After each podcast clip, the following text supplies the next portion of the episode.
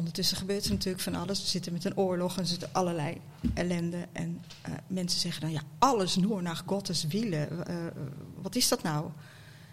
Ik vind het een heerlijke kantate om te zingen. En ik vind het ontzettend leuk om daarmee bezig te zijn. Maar ik weet niet of ik dat ook zo kan zeggen hoor. Alle, wat, wat is dat dan? Alles wat er gebeurt is Gods wil. Ja. Wat is de Bijbel eigenlijk voor een boek? Verzameling eeuwige waarheden waar je in moet geloven? Of een mooi verhaal met een moraal? Een museum van oudheden? Interessant voor de liefhebber, maar verder toch vooral achterhaald? Of kan het nog anders? In deze podcast ga ik in gesprek met theologen die die Bijbel zo gek nog niet vinden. Zij nemen ons mee door een tekst met een frisse, vrolijk, kritische blik en zoomen in op de vraag wat die vreemde tekst nu juist vandaag te zeggen heeft. Mijn naam is Marco Visser, vaste co-host is Rob Itman. Leuk dat je luistert naar de podcast De Nieuwe Bijbelschool. Ja, en vandaag bij ons aan tafel eh, Lieke van Zanden, eh, predikant in Ede, theoloog aldaar. Eh welkom, leuk dat je bij ons bent. Dankjewel. Eh, fijn dat je de Bijbelklas met ons wil doen vandaag. Ehm, eh, het is een beetje bijzonder, eh, omdat we de vorige keer zaten we in een soort, eh, in een soort bezemkast bij jou, hè, Rob. Ja. Eh, en nu zijn we ineens in de, in de kerk waar ik werk, eh, in Rotterdam Schiebroek, in de mooie Goede Herderkerk. Ehm, eh, dat kwam zo uit om het hier te doen. Maar dat bedoelde ik eigenlijk niet met bijzonder. Ik vind het eigenlijk wel bijzonder omdat het jouw laatste keer is, Rob. Ja, en dan toch ook wel weer bijzonder dat het niet is waar we het het vaakst gedaan ja, hebben. ja, inderdaad. Waar we onze 14 of 15 eh, uitzendingen, Ja. afleveringen samen hebben gemaakt. Ja. toch niet niks. Maar ehm, ja, dus in die zin ehm, is het ook een klein beetje met eh, een, klein randje weemoed. Daar merken we zo meteen niks meer van. Maar eh, nu voel ik het toch even. Jij gaat andere dingen doen. Hè? Misschien is het wel leuk om daar even iets van te horen. Wat, wat jouw volgende werk voor een stichting, maar dan een andere, zal zijn. Ja, ja ehm, om het heel cru te maken. Ik wissel eigenlijk mijn bestuursrol van de Nieuwe Bijbelschool in voor een bestuursrol voor eh, de Rotterdamse Vrijheidsmaaltijden. En die zetten zich in om te zorgen dat er iets van een nieuwe traditie ontstaat rondom 5 mei. Mhm. Eh, want dat is er nog niet in Rotterdam. Je Mhm. hebt wel dingen die gebeuren, maar eigenlijk is er niks eh, structureel geregeld. En daarvan denk ik met een hele groep leuke jonge ondernemers, dat zou toch echt moeten kunnen. En ook wel echt iets van deze tijd om weer iets van een betekenisvolle feestdag toe te voegen tussen al die betekenisvolle feestdagen, maar waarvan de betekenis niet altijd meer evenzeer geldt voor iedereen. Ja. Vinden wij dat eh, voor 5 mei wij daar eh, misschien wat dan zouden kunnen doen. Dus eh, ik ga mijn tijd een beetje inruilen. Wat ik met de podcast en nieuwsbrief zo heb gedaan. Voor dat werk. En eh, Ja. ja. dat voelde goed voor mij voor dit jaar. Ja. Eh, zeker, nou, zeer gegund en heel belangrijk. Ehm, en het thema van, van hè, iets van ontmoeting organiseren. eh, en het thema natuurlijk van de bevrijding is natuurlijk ook wel weer een, dat zeg ik nu even domineesachtig, maar een weer een mooie rode draad, toch? Absoluut een Van het bijbels een naar het vervolg. ander. eh, Zeker weten. We zouden het niet anders willen. Eh, nee, maar leuk. Ehm, we gaan eh, met jou in gesprek. Eh, Lieke, ik verheug me erop. Ehm, jij bent eh, predikant in de Lutherse gemeente in Ede. En daarnaast eh, geestelijk verzorger in een verzorgingshuis of een verpleeghuis of allebei. Wat was het ook alweer? Beide, ja. Ja. Ehm, en ehm, ja, wij beginnen toch eigenlijk altijd ook even voordat we naar de tekst gaan. eh, of, ehm, even met de, de vraag naar het in den beginnen. Ehm, natuurlijk niet het hele verhaal. Je, moet, je kunt niet alles vertellen. Hè? Heel Eh, lang verhaal.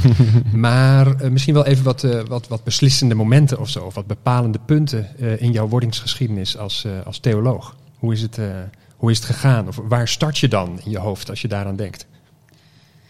Eh, voor mij is dat eh, het gezin waar ik vandaan kom. Dat is wel heel bepalend geweest. Ja. En waar, waar speelde dit zich af? Waar? Je waar. Ik ben geboren, of all places, in Ede. Ah ja, oh ik ja? heb daar maar een half jaar gewoond. Daarna zijn mijn ouders verhuisd en heb ik door het hele land gewoond. Mijn vader was geen dominee, maar werkte bij de post. Oké. Dus die eh kroste het hele land door. Eh, ik kom uit een hervormd gezin. Mijn moeder kom, is ehm, afkomstig uit de Gereformeerde Bond. En mijn vader uit ehm, eh, vrijzinnig hervormd. Oké. Wel twee verschillende hoeken. Ik doe even de microfoon iets dichterbij je, hoor. Zo. Ja, dat zijn wel twee verschillende hoeken van, de, van die good old heel hervormde kerk. Ja, en heel dat, verschillend. en hoe, dat, hoe ging dat dan samen aan tafel zo'n beetje? Nou, aan tafel, maar je kunt je misschien een verjaardag voorstellen. Mhm. dat, eh, Oh ja. Dat de families dat die twee families, Oh, ja. grote families, bij elkaar kwamen. En dan eh gonsde en schetterde het van de theologische gesprekken. En, eh, ja, ja, dat was wel... eh, Wat voor een herinnering heb je daaraan? Was dat dan bijvoorbeeld spannend of juist mooi? Of hoe, hoe, eh, Nou, ik was er altijd heel be- bij betrokken. Ik heb twee zusjes die helemaal niet, ik kon ze helemaal niks schelen. Maar ik vond dat heel interessant. En ik weet nog dat ik het ook frustrerend vond, want ik dacht altijd, ja, die zegt dit, die zegt dat. Ik wil zelf weten hoe het zit op een gegeven moment. Ja. En dat is eigenlijk, ja, pas veel later, want ik wilde eigenlijk actrice worden. Oh, Dat, dat wat is daarmee gebeurd? Ja, dat word ik misschien nog, alsnog. zou zeker kunnen. Ja, ja dat, dat leek mij heerlijk. het, maar the- op de- het theater of de film? Theater? Of, ja, het Nee, theater. theater. Wauw. Ja. Ja. Ja, ik heb ook een tijdje daar iets aan gedaan. Maar ehm, ik heb altijd wel gedacht, ja, ik moet er toch iets mee met die theologie. En laat ik het dan maar gewoon gelijk doen. Want Hm. anders blijft het altijd zo'n hobbyachtig ding erbij. En dan kom ik nooit tot waar ik wezen wil, denk ik. Hm. Dus eh, ja, toen ben ik toch uiteindelijk eh, theologie eh, gaan studeren. Ja. Ik voel altijd wel, eh, zelf altijd wel een, een beste verbinding eigenlijk tussen theater en eh, de kerk. Ja, dan maken we een hele grote sprong, want voordat je theologie gaat studeren ben je nog geen predikant, sta je nog niet op een kansel. Maar Nee, nee, ik vind, misschien zullen we het er zo meteen nog uitgebreider over hebben, omdat we het ook over liturgie eh, hebben. Eh, maar ik vind altijd eh, toch de, de, de liturgie, eh, zo'n zo'n zo'n dienst op zondagochtend, heeft ook wel een, een verbinding, een soort link met, eh, met het theater. Hè? Eh, voel jij dat ook of eh, zie je dat anders? Ja, zeker. Je, ik sta daar ook in een bepaalde rol. Ik sta er wel als mezelf, maar wel in een rol. Mhm, Dus eh, ja. ja. er zit iets van eh, jezelf in, maar ook die rol die je overneemt. Ja, en dan komt een Maar verhaal een, op de eh, bühne. Ja. Ja. Maar goed, ja, ga verder.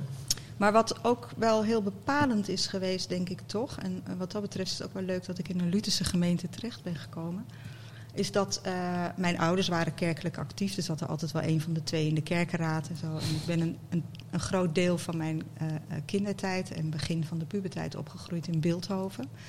Hele goede predikant, Jan van Veen, Zuiderkapel meen ik dat het was.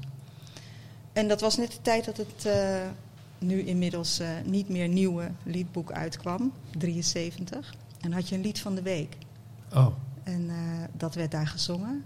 En dan kwamen wij thuis en dan ging ik met mijn vader achter de piano. Mijn vader speelde en ik zong. Dus ik heb al die liederen heel veel meegekregen. mhm. En dan krijg je toch ook wel al bepaalde structuren mee. En, en ja. Want er waren in de, in de jaren daarvoor allerlei nieuwe liederen geschreven door Willem Barnard, Ad den Beste Ja. en al die, al die mensen, hè. Jan Wit. Ja. Eh, en dat, die werden allemaal gebundeld en ineens waren ze er. Ja. Ehm, ja, dat, eh, en daar leefden jullie dus mee. ja, ik weet nog, mijn vader was met name ontzettend opgetogen over al die. Oh ja? ja. Hey. Mooi. Ja. Ja. Ja, Dus dat, dat zingen of, of die, die liederen en die teksten enzovoort Ja. en hoe dat dan in elkaar grijpt, dat is eh, ook een belangrijk iets geweest. Ik denk Ja. het wel, ja, Mhm. zeker. Ja. In die zin ben ik een beetje een kind van het oude nieuwe liedboek. Ja, ik begrijp het. Ja. Inmiddels is er een eh, nieuwe liedbundel enzovoort. En is het alweer Ja. een beetje, voelt het als eh, alweer best wel lang geleden. Ja. Ja. Maar no- nooit het gevoel gekregen dat je moest kiezen tussen die beide kanten die in jouw ouders eh, vertegenwoordigd waren? Moest je Ach, ik denk dat er ook een hoop psychologie bij komt kijken. Hè? Dat je, dat, dat, ik ben een verbinder en eh, dat ik daarin tussen mijn ouders en die werelden die dat met zich meeneemt, toch eh, ja, daarin heb willen verbinden of uitzoeken of wat dan ook. Hm. Dat denk ik wel, ja. Ja. Ja. En dus je, je wilde, het begon met een soort vraag van, ja, ik wil eigenlijk graag zelf weten tussen al die verschillende kanten die dan dat geloof kennelijk heeft eh, en, en dat kerk gaan. Eh, wil ik zelf daar een keuze in kunnen maken of zelf snappen hoe het zit? Eh, kwam dat uit? Je ging theologie studeren in Amsterdam aan de UvA. Nou, ik moest eerst nog vooropleiding doen in Oh, Groningen. dat heb juist. ik gedaan. En daar, dat is aan de faculteit daar. En toen dacht ik, ja, dit is het niet. Oké. En toen ben ik eigenlijk intuïtief in Amsterdam terechtgekomen, aan de UvA. Ja, dat was helemaal raak. Oh, Ik heb me daar echt eh, eh, eh, zo thuis gevoeld meteen toen ik daar binnenkwam. wat was dat? De grote stad? Of, eh, ja, Groningen is ook een stad. Maar, hè, Ja, de Groningers een vinden dit nu niet leuk misschien, maar... Nou, het is Amsterdam, maar het is ook die, die eh, Ja, ja. universiteit. Daar die was iets van een die soort- faculteit. Waar Daar was een ik, sfeer of daar liepen mensen rond ja. die een verhaal Ja, hadden. precies. Of, eh, Nou, ja. weet je, wat, ik had een beetje het gevoel dat. ehm, jullie kennen dat misschien wel als je vroeger op school. eh, dan was het vrijdagmiddag en dan eh, werd er voorgelezen bijvoorbeeld. En dan was het een beetje donker, zo deze tijd. En eh, ik vond dat heerlijk. die sfeer. Soms ontstond er een gesprek over, weet ik veel wat, liefde, vriendschap, eh, dingen waar iedereen bij betrokken is. En op een gegeven moment zei de juf of de meester dan, nou jongens, we moeten even verder, want we moeten even dit afmaken. Nou, dat gevoel van dat gesprek of dat voorlezen of die sfeer en, en die ruimte waarin al die dingen er konden zijn, dat vond ik daar. Daar Hm. ging het de hele dag over die dingen. Ja, ja. En dat vond ik heerlijk. Van die dingen die ergens eh, raken aan, aan, aan iets van hart en ziel of zo. Hè? Iets ja, van en ook binnenkant. al snapte ik in het begin nog helemaal niet Mhm. eh, hoe en wat. Maar ja. Ja. En was die vooropleiding, die moest je doorheen? Of de, Ja, ja, dat heb, je wel, je heb je wel doorheen gewerkt om uiteindelijk dan naar Amsterdam gaan. Ja, ja, je moest je dat wel goed. doen. Ja. ik kan me dat helemaal voorstellen. Ja, nee, ja, je bent ja. niet eh, weer... Ja, ik heb eh, geen gymnasium, dus ik ben niet spelende moest de talen nog. Ja. Ja, Inhalen, zo gezegd. Ja. Of ophalen, hoe zeg je dat? Ja. En wat daar natuurlijk aan de faculteit was, je had daar een miskottenwerkgroep. Ah, En eh, die heb ik van begin af aan eh, eh, in meegedraaid, al die jaren dat ik heb gestudeerd. En eh, daar zaten mensen van verschillende jaren in, dus ouderejaars en eh, mensen zoals ik die net kwamen kijken daar. Hm. En daar heb ik met name ontzettend veel geleerd. ja. Heel veel Hey. eh, van miskotten doorgewerkt en Mhm. doorgesproken. Ja, nou, miskotten valt wel vaak in onze podcast. Mhm. hè? Ehm, Ja. en, en wat was het voor jou, wat, wat daar dan in zat, wat jou op een spoor zette of, of raakte of in dat werk van miskotten? Is dat kort te zeggen? Ehm, het is eh, eh, eh, enerzijds de taal, die ik heel erg heerlijk vind. Om, om daarin eh, meegevoerd te worden. En Bloemrijk, heel literair te eigenlijk. laten En, ja. voeren, ja. Mhm. Maar ook inhoudelijk, ja, het is altijd gezegd, hè, de verbinding tussen theologie en cultuur. Maar ja, dat is natuurlijk wel heel erg wezenlijk. Het, is niet, het zijn geen aparte werelden. Het heeft alles met jezelf en met de wereld te maken. Ja. En dat vond ik daar. Mhm. ja. Mooi. En, en toen eh, ja, gaandeweg toch maar richting eh, dat predikantschap. Want dat is natuurlijk eh, nog weer wat anders. hè? nog Ja, weer dat een volgende wel stap heel iets eigenlijk. anders. Ja. Die Ja, keuze had je wel vroeg gemaakt? Die keuze had je al wel vroeg Nee, bepaald? nee, of, nee. Nee, ik vond het een heel raar vak. Ik dacht echt, dat ga ik echt niet doen. Nee. Nee. Maar toen, ik herinner nog het punt waarop ik dacht, ja, nou ja, dat moet dan toch maar. eh, dat er een hele bubs studenten uit Brussel kwam bij ons om de kerkelijke opleiding te doen. En die hadden les gehad van Jagersma en ook van Nico Bakker. En ja, dat was een heel vrijmoedig soort theologen die Hey. gewoon huppelend dat predikantsvak in van ja, nou ja, dat doen we dan toch. En dan maken we daar iets leuks van. En, eh, Niet zo zwaar gemaakt. Nee, ik weet niet wat dat was. Maar... En zij waren allemaal net iets eh, verder dan mijn jaar. En eh, we trokken ook met elkaar op. Het was een, een, een heerlijk huis om te zijn en met elkaar op te trekken theologisch, dat, die faculteit. Die mensen brachten een soort, mij eigenlijk meege... ja, ze brachten een soort sfeer mee van ja, het, het Ja. kan ook licht zijn. Of het, kan ook, eh, het heeft ook echt een Nou ja, mooie, het- vrolijke... je, je doet het en je doet het Ja. toch samen. Je Ja. komt wel ergens in je uppie terecht natuurlijk. Maar Ja. En waar ben je toen eh, predikant geworden? ergens in de krochten van de Betuwe. Heeft de Betuwe Krochten, ja, kennelijk. Ja, Ja. ja, ja, dat, is, eh, dat is echt een boerengemeenschap. Ja, ja. En eh, dat was zwaar, maar ook eh, mooi. Ik heb daar echt bijvoorbeeld van een, een, een boer, die was ouderling, die heeft mij leren begraven. Hoe doe je dat nou? Ja, jij weet dan wel een heleboel, maar eh, ik zal jou wel even leren wie doet wat bij een begrafenis. Ja. Hoe gaat dat? Als je nou daar en daar gaat staan Ja. en dan komt daarna dit en dat. Oh ja, Ja. gewoon. Dat Ja, zo'n mentor heb je echt ook wel ja, nodig die dan, heb ik echt Ja, gehad. Het was heel bijzonder. Mooi. Ik heb nog steeds contact met zijn familie. Dat is heel mooi. Ja. Nou, daar heb ik eh, vijf jaar gestaan en ik woonde daar alleen. En ik vond het erg zwaar. Met name omdat op het laatst kwam eh, eh, de MKZ-crisis. Dat eh, kunnen jullie Montclausure. misschien nog herinneren. Ja. Ja.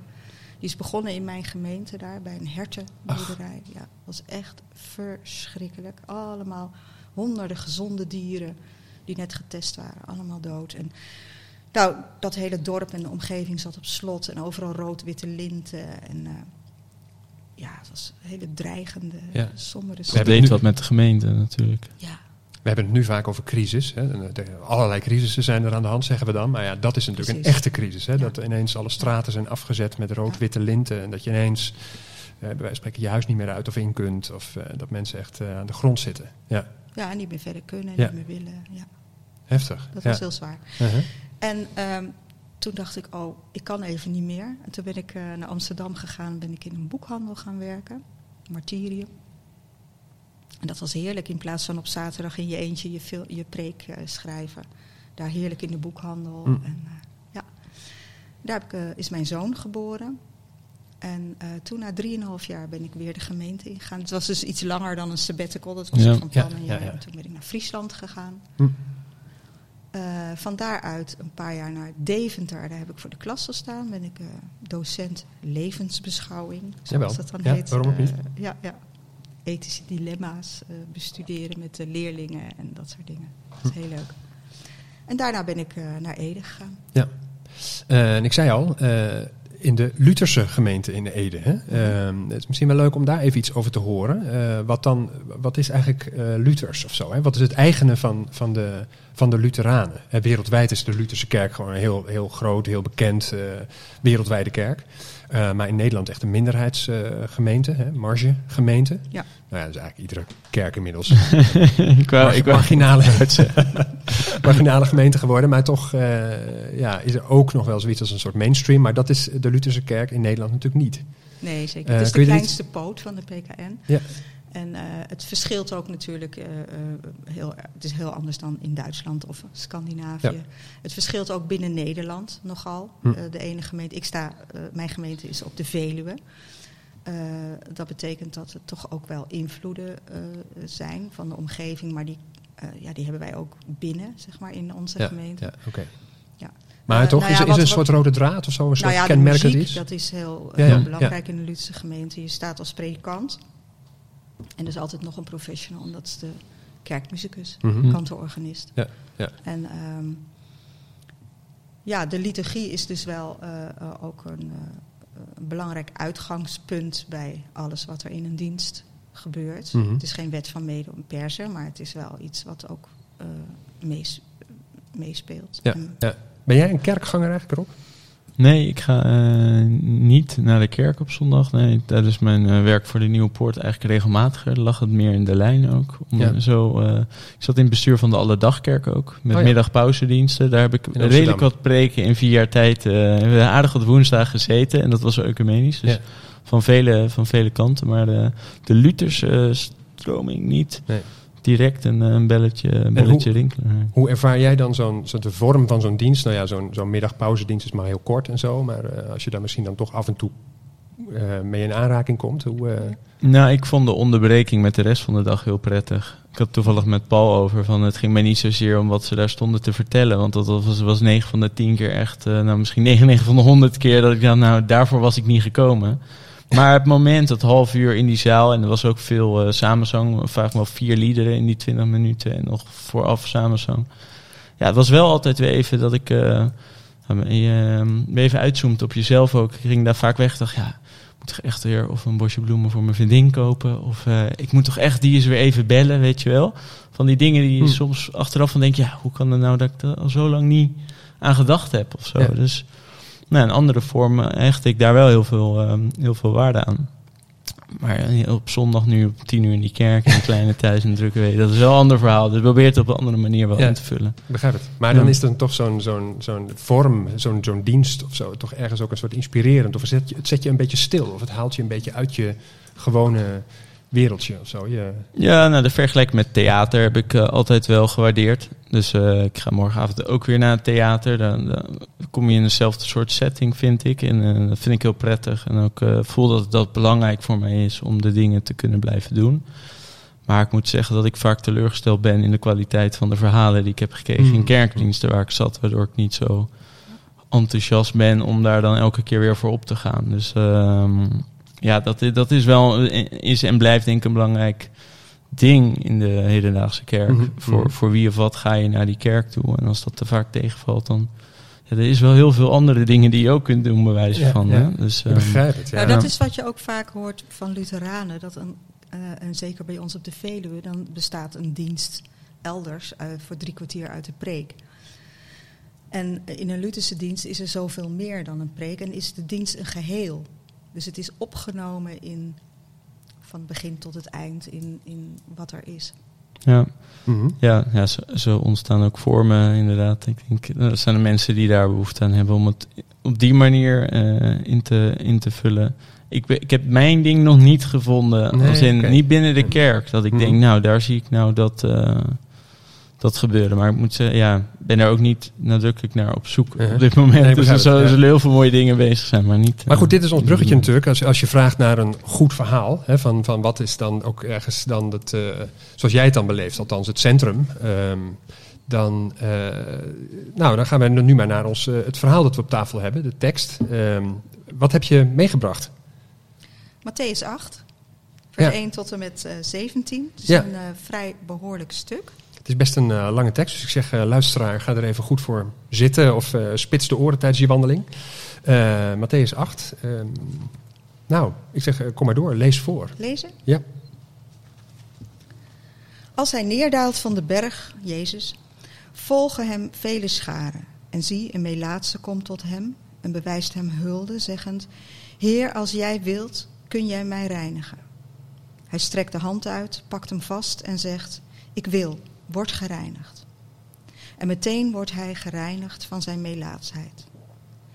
Jezus zegt tot hem: Zie toe dat je niemand iets zegt, maar ga weg, toon jezelf aan de priester en breng de gave die Mozes heeft opgedragen voor hen een getuigenis. Als hij binnengaat in Capernaum, komt tot hem een hoofdman over honderd die hem te hulp roept en zegt: Heer, mijn kind ligt verlamd in huis, neergesmeten. Hij lijdt verschrikkelijk pijn. Hij zegt tot hem: Ik zal komen en zal hem genezen. De hoofdman over honderd antwoordt en zegt: Heer, ik ben niet waard dat u onder mijn dak binnenkomt, maar spreek alleen met een woord en mijn jongen zal genezen worden. Want ook ik ben een mens onder gezag. Ik heb soldaten onder mij en zeg tot deze: ga heen en hij gaat. Tot die kom en hij komt. En tot mijn dienaar doe dit en hij doet het. Als Jezus dat hoort, is hij verwonderd en zegt tot wie volgen: Amen, zeg ik jullie, dat bij niemand in Israël ik zo'n geloof gevonden heb. Maar ik zeg jullie dat velen van zonsopgang en zonsondergang zullen komen en met Abraham en Isaac en Jacob zullen aanliggen in het koninkrijk der hemelen. Maar de zonen van het koninkrijk zullen worden uitgeworpen naar de buitenste duisternis. Daar zal het wenen zijn en het tanden knarsen. En tot de hoofdman over honderd zegt Jezus: Ga weg, zoals je hebt geloofd, zal geschieden aan jou. En in dat uur wordt hij genezen. Als Jezus het huis van Petrus binnenkomt, ziet hij diens schoonmoeder neergesmeten en in koorts. Hij pakt haar hand vast en de koorts laat haar los. Zij staat op en dient hem. Als het later wordt, brengen ze tot hem velen die van demonen bezeten zijn. Met een woord werpt hij de geesten uit en alle die er kwalijk aan toe zijn, geneest hij. Zodat in vervulling gaat wat is gesproken door de profeet Jezaja als hij zegt... Hij heeft van ons de zwakheden aangenomen en de zieken heeft hij getorst. Het is trouwens een Naardense Bijbel met hier en daar een bewerking door Mhm. LVZ. Goed, ja. Dank voor het lezen. Dat is toch echt heel, heel eh, ja, aangrijpend en, en goed om in mee te komen. Eh, ik kijk jou even aan, eh, Rob, als, eh, als de niet-kerkganger van dienst. Eh, Mhm. wat, ehm, wat, wat, wat denk jij? Of, eh, Nou, enige context misschien waar dit verhaal eh, staat en vandaan komt. Dit eh, is het eerste wat er gebeurt na de eh bergreden. Dat is een, een lange reden die eh, Jezus uitspreekt van de zaligsprekingen tot aan het zevende, eh, einde van het zevende hoofdstuk. Eh, en hier daalt hij neer van de berg. Oké. Dus wat gesproken is op de berg, dat gaat nu geschieden. Als hij van de berg afdaalt. Of het is niet na elkaar, het is eigenlijk één gebeuren. Hè? Het Mhm. spreken en het Ja. geschieden van datgene wat Vandaar die vele is. Die vele scharen. Ja, wat heeft hij uitgevroot op die berg? ja. ja, dus die vele scharen, dat zijn die mensen die zich hem. rond die berg of op die berg bij hem verzameld hebben. Ja. Eh, en ik vind dat wel eh, aansprekend hoe je dat zegt. Van, maar het is eigenlijk één ding. Dus het wordt eerst is het dus een drie hoofdstukken lang, vijf, zes, zeven. Ja. waarin Jezus dan het woord is en zo'n soort nieuwe menselijkheid presenteert. Hè. Maar niet alleen eh, verkondigt, maar dan gebeurt het ook meteen. Hè. Dan, is het meteen, dan wordt er ook iets nieuw. Ja, het is niet eerst een verhaal en nou gaat hij dat doen, maar het is eigenlijk één beweging. Je moet het in één denken. Ja. Mhm. En eh, het verhaal is dus, ehm, eh, of het, het gedeelte, de pericoop, is, bestaat eigenlijk uit drie, of eigenlijk bestaat uit drie genezingen. De eerste is de Melaatse.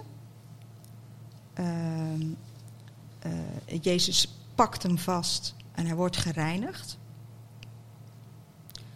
Dan. Waar staat vanaf- dat melaatsheid voor? Melaatsheid, dat is eh, ja, eh, eh, iemand die eigenlijk eh, eh, dood is terwijl die nog leeft. Of, of nog net levend is, eh, maar eigenlijk dood. Het is iemand die eh, onaanraakbaar is eh, en eh, eh, buiten de gemeenschap eh, leeft. En eh, ja, als Mhm. een dode eigenlijk. Omdat het een soort verzamelnaam is. onaanraakbare ook. En hier raakt Jezus hem aan. Hij strekt zijn hand uit en pakt hem vast. Mhm. Dat is heel bijzonder bij een melaatse. Ja, ja omdat dus dat, dat melaatsheid een soort verzamelnaam is voor iets met een soort huidziekte, hè, wat het ook maar is. Maar, en daardoor ben je buiten de gemeenschap. Hè. Dus het is inderdaad dat eh, uitgestoten zijn of, of eh, er niet bij zijn. En daarom is juist dat inderdaad die nabijheid hier zo Ja. eh, gek of Bijzonder, zo. ja, ja. Mhm, mhm. Ehm,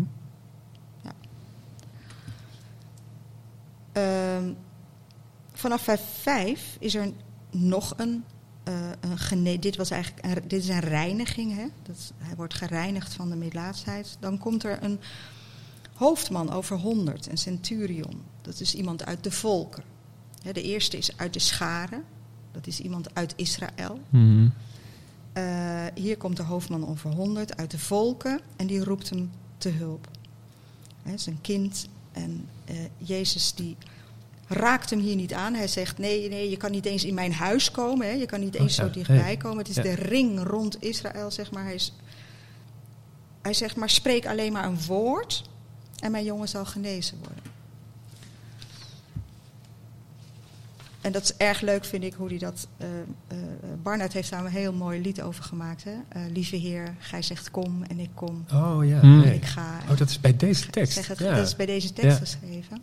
Over lied Want die hoofdman ja. over 100, die weet heel goed wat het gezag van een woord is. Hij zegt, "O- alleen op het gezag van een woord zal mijn jongen genezen.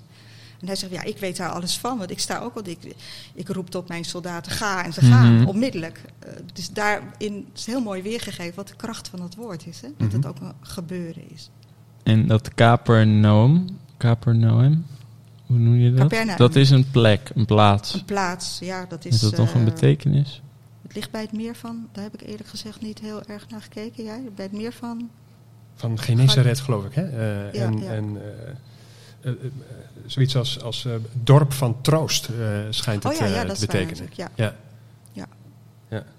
Nou, dat is ook wel wat er gebeurt natuurlijk. Ja, dat gebeurt er ook, ja. ja. Ehm, maar hij pakt hem dus niet vast, het is enkel door dat woord.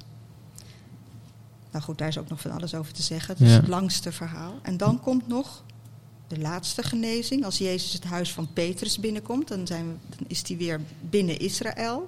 En dan ziet hij die schoonmoeder, ook neergesmeten.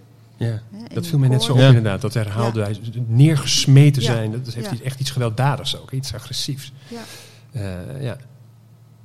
Dat gebeurt ook eigenlijk hè, met iemand die iets, een hersenbloeding of wat dan ook. Je, van de ene dag op de andere ben je niks meer. Ligt Mhm. in een hoek. Ja. En weer pakt hij haar hand vast en de koord slaat los en staat op. En dan komt die, die, die, die samenvatting met dat citaat uit Jezaja. Eh, als het later wordt, brengen ze tot hem velen die van demonen. Er komen er nog veel meer zodat in vervulling gaat wat is gesproken door de profeet Jezaja. Hij heeft de zwakheden aangenomen en de zieken heeft hij getorst. Nou, dat is de, de, de opbouw van de hele pericoop. Drie stukken eigenlijk, die Ja. op de een of andere manier in elkaar grijpen. Eh, Ja. Iemand die helemaal van Israël is, een Melaatse, die wordt erbij gehaald, gepakt. Eh, En dan tegelijkertijd gaat er ook een deur. Ja, ja. precies. Ja. Ja. En dan, eh, maar dan blijft het niet in een soort inner circle, in een soort bubbel. Maar er gaat gelijk ook een deur open naar de, naar de hele wereld. Hè? Dus het is ergens ook een, een woord dat overal heen moet. Ja. Ja. Nou ja, eh, een, woord, ja, een woord dat geneest. Die Mhm. mensen moeten genezen worden. Ja. Dat is ook voor de volken. Ja, Ja. ja. Is dit, zo'n, is dit een verhaal wat dus vaak gebruikt wordt om eh, de heiligheid van eh, Jezus eh, aan te tonen? Zeg Maar kijk dan wat hij allemaal heeft gedaan. Daar moeten we toch in willen geloven. Moeten we het ook zo lezen, vind jij? Dat zou niet het eerste zijn waar ik aan denk. Nee, als ik, Ik ook niet. ik hoop het niet te missen. nee, nee. Ja. nee, het is meer dat je. eh, ehm, dat hier gebeurt wat er op die bergreden wordt gezegd. Hè? Dat dat één beweging is. Dit gebeurt er. Eh, eh, waar Jezus gaat. Het is het begin van de weg die hij nu gaat, van die berg af. En nu, nu, nu komt de hele rest van, van Matthäus. En er komen nog veel meer genezingen achteraan. Hè? Dus, eh, een stuk of tien, geloof ik, hè? zijn er van een dorre hand. En, eh, Hm. nou ja, goed, al die. En dit zijn er drie meteen heel bij elkaar gezet. Israël en iemand uit de volken en dan weer Israël. En dan die samenvatting. Want hier is die, dit gaat er gebeuren. Dit is de weg. Dus het is eigenlijk een concentratie van, nou, dit, dit is wat er gaat gebeuren. Dit is wat Jezus gaat doen. Mhm. Dit is wat er op, Op het de spel hij staat. Of zo. gaat, Het is ja. een programmatisch eh, stuk, deze drie stukken bij dat- elkaar. Ja, zo, zo zou je het kunnen lezen. ja. Ja. Inderdaad. Maar ik hoor bij jou ook een beetje de vraag op, eh, als ik het goed hoor. Van ja, hoe moet je nou eigenlijk dan zulke verhalen over genezingen eh, lezen? Ja, hier worden dus mensen genezen, terwijl het niet kan of zo. Maar hoe, hoe, hoe moet je dat... eh, Ook. Ja, nee, de, ik de- zeg een waarom beetje ik met mijn woorden, In eerste instantie inderdaad van... Nou, je- kijk, als je niet, eh, niet bekend bent met dit verhaal of wat er voorkomt... en je krijgt dit zo voor je, dan denk je inderdaad van... eh, Oké, nou, het is op zich goed te volgen hoe het staat opgeschreven. Het is, we hebben wel eens verhalen dat je denkt... ja, hier kan ik eh, helemaal niks van Heel maken... want ik snap gewoon niet te veel. En dit verhaal is... Nou ja, het is niet de taal die je elke dag leest... maar je zou er wel uitkomen als je er even goed, goed voor gaat zitten. Maar ja, en dan, weet je wel? Dat is dan wat... Ja. Wat doe ik er dan mee? Nou, ik zal. Ja, zal Ja, ik even, zeker. Ja. Ik, ik maak even de stap naar eh, de kantaten. Eh, eh, Bach heeft eh, bij dit gedeelte, het eerste gedeelte, de eerste twee genezingen, een kantate geschreven. BW, eh, wat is het? BWV eh, 72. ja, we hadden het opgezocht. alles nur naar Gottes willen. Dat is de titel van de kantate. Ehm, die is speciaal geschreven bij eh, deze tekst. Ehm, zal ik even verder vertellen hoe Ja, dat in, ja, ja, eh, in mijn gemeente ging? Daar heb je, in de Lutherse gemeente heb je af en toe, eh, worden er Bach-kantates uitgevoerd. Maar dat is geen uitvoering zoals in een concert. Maar dat is echt in een dienst, in een eredienst. Zoals het ook vroeger in Bach's tijd ging. Hè. Het is, eigenlijk is die kantate een soort interpretatie. Een preek op muziek zou je kunnen zeggen, van, naar aanleiding van een tekst. Eh, nou, bij ons gebeurt dat ook af en toe. En eh, eh, dan word ik ook nog als predikant geacht om daar nog weer eens over te preken. Dus ik moet eigenlijk een interpretatie geven van de interpretatie van Bach. Ik vind het altijd wel een hele klus, want, Ja. maar toch wel heel erg de moeite waard als je erin verdiept. Want ehm, die kantaten, alles nur nach Gottes Wille. Ik weet niet of je, wil je daar nu even een klein Oh, dat, is, stukje wel- doen ja, dat hadden we, we hadden het even klaargezet. Ehm, en, Toevallig. eh, ja, precies, dat hadden we in die zin voorgekookt. Ehm, en nu laat ik het even horen, een piepklein stukje. eh, en gewoon even via mijn telefoon op, op Spotify gevonden. Ik hoop dat als de rechthebbenden dit horen, dan moeten ze zich maar bij ons melden. Als ze Ah, dit dan horen, het zou het heel leuk Van zijn. een ze het kale kip kun je niet plukken, Mark. John Elliot Gardner. Een klein stukje van het begin, hè?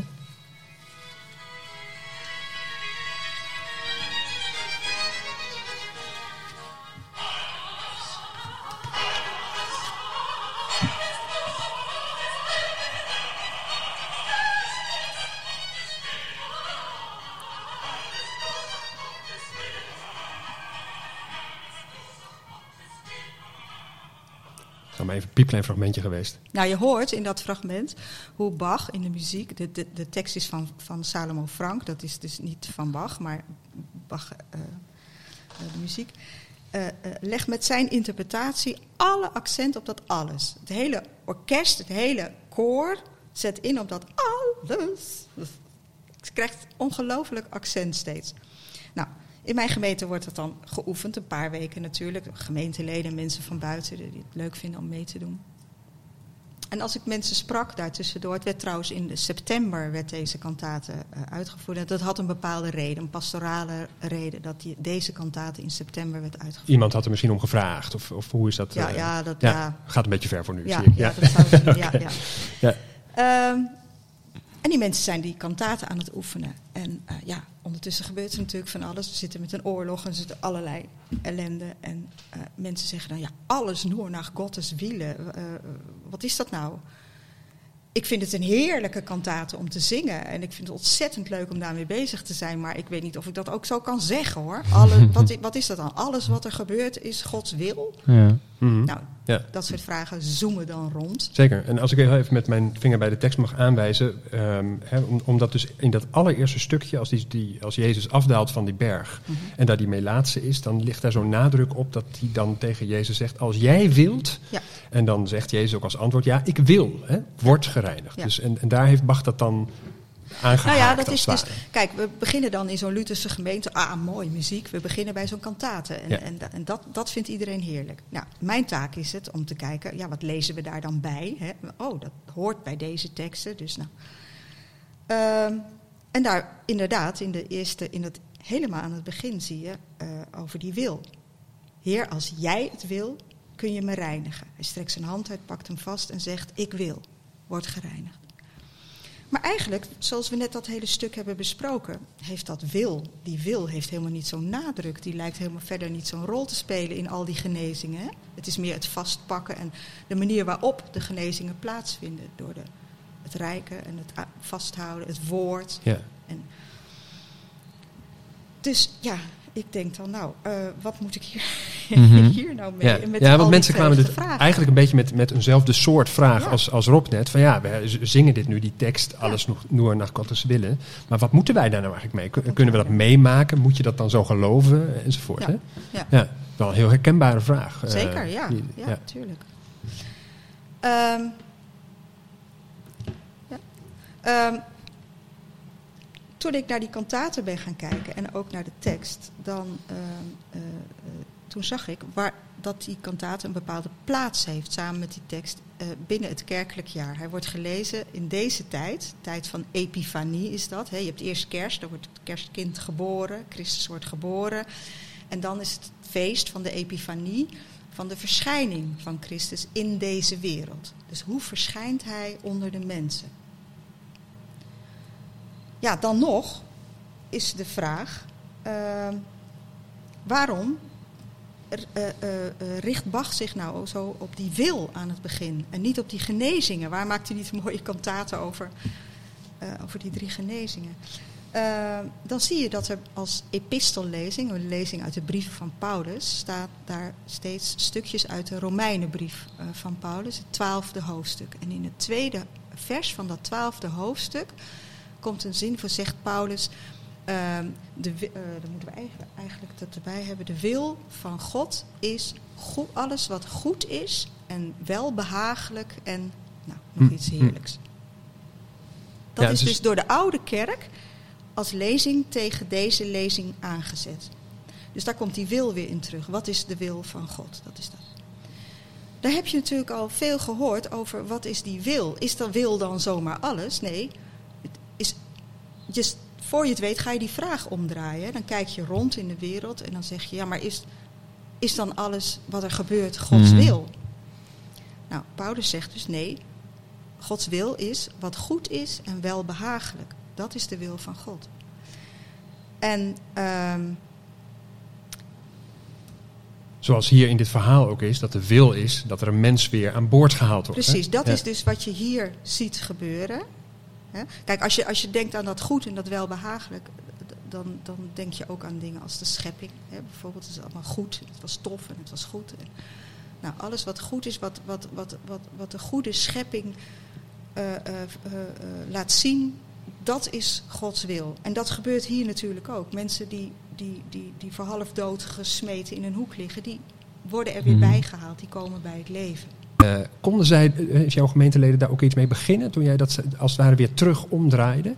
Ja, Nou, niet kijk, alles wat er gebeurd Het is, punt is maar natuurlijk wat epifanie, dat is dus die tijd dat je dat, eh, eh, eh, eh, de koning gaat leren kennen. Wat doet hij, wie Ja. is hij? wat is dan eigenlijk precies zijn beeld? Ja. Wat, en, en dat deze tekst daar hiermee begint, teruggrijpend op die eerste lezing hè, van die, die koningen uit de volken. Deze man die, die, die buigt zich neer. En daar komt die wil eh, ter sprake dat dat alles wat nu gaat beginnen, wat hij gaat doen, zijn hele weg, alles doet hij daarin de wil van God. Of eigenlijk andersom, de wil van God, die het goede en het welbehagelijke wil, werkt in hem. In hem geschiet de wil van God.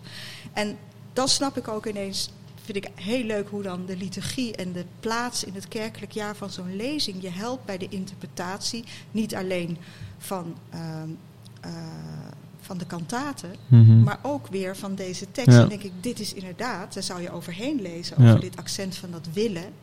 Maar dat is prachtig, wordt dat uitgelicht. Alles wat nu gaat gebeuren is heerlijk, is Mhm, goed, is, is welbehagelijk. Nou, en dan komt het, hup, die wordt genezen, de volgende wordt Ja. genezen, die wordt genezen. En zo gaat dat door. Ja. Ja, ik begrijp het. Dus en Ja, als je inderdaad dat, dat zinnetje geïsoleerd neemt, alles wat Ja. er gebeurt is Gods wil, dan is dat, je uit. dan, dan kan dat eigenlijk helemaal niet. Dan, Nee. dan eh, gebeuren de eh, theologische en, Mhm. en, en geloofsongelukken. Eh, terwijl als je het weer terugbrengt in de tekst en ook in de context van het kerkelijk jaar, zoals je het eh, zo mooi schetst. Ja, en hoe die eh, oude dan- kerk dat in de Ja. teksten tegen Ja, elkaar heeft gezet en in de tijd van het jaar heeft gezet, Mhm. helpt dan bij de exegese weer. Niet alles wat er gebeurt, maar alles wat er Ja. in deze gebeurt. Hè? Wat er hier gebeurt. Wat hier Ja. gebeurt, wat hij doet, Mhm. ja, Ja. eh, gaat doen. ja. Ja.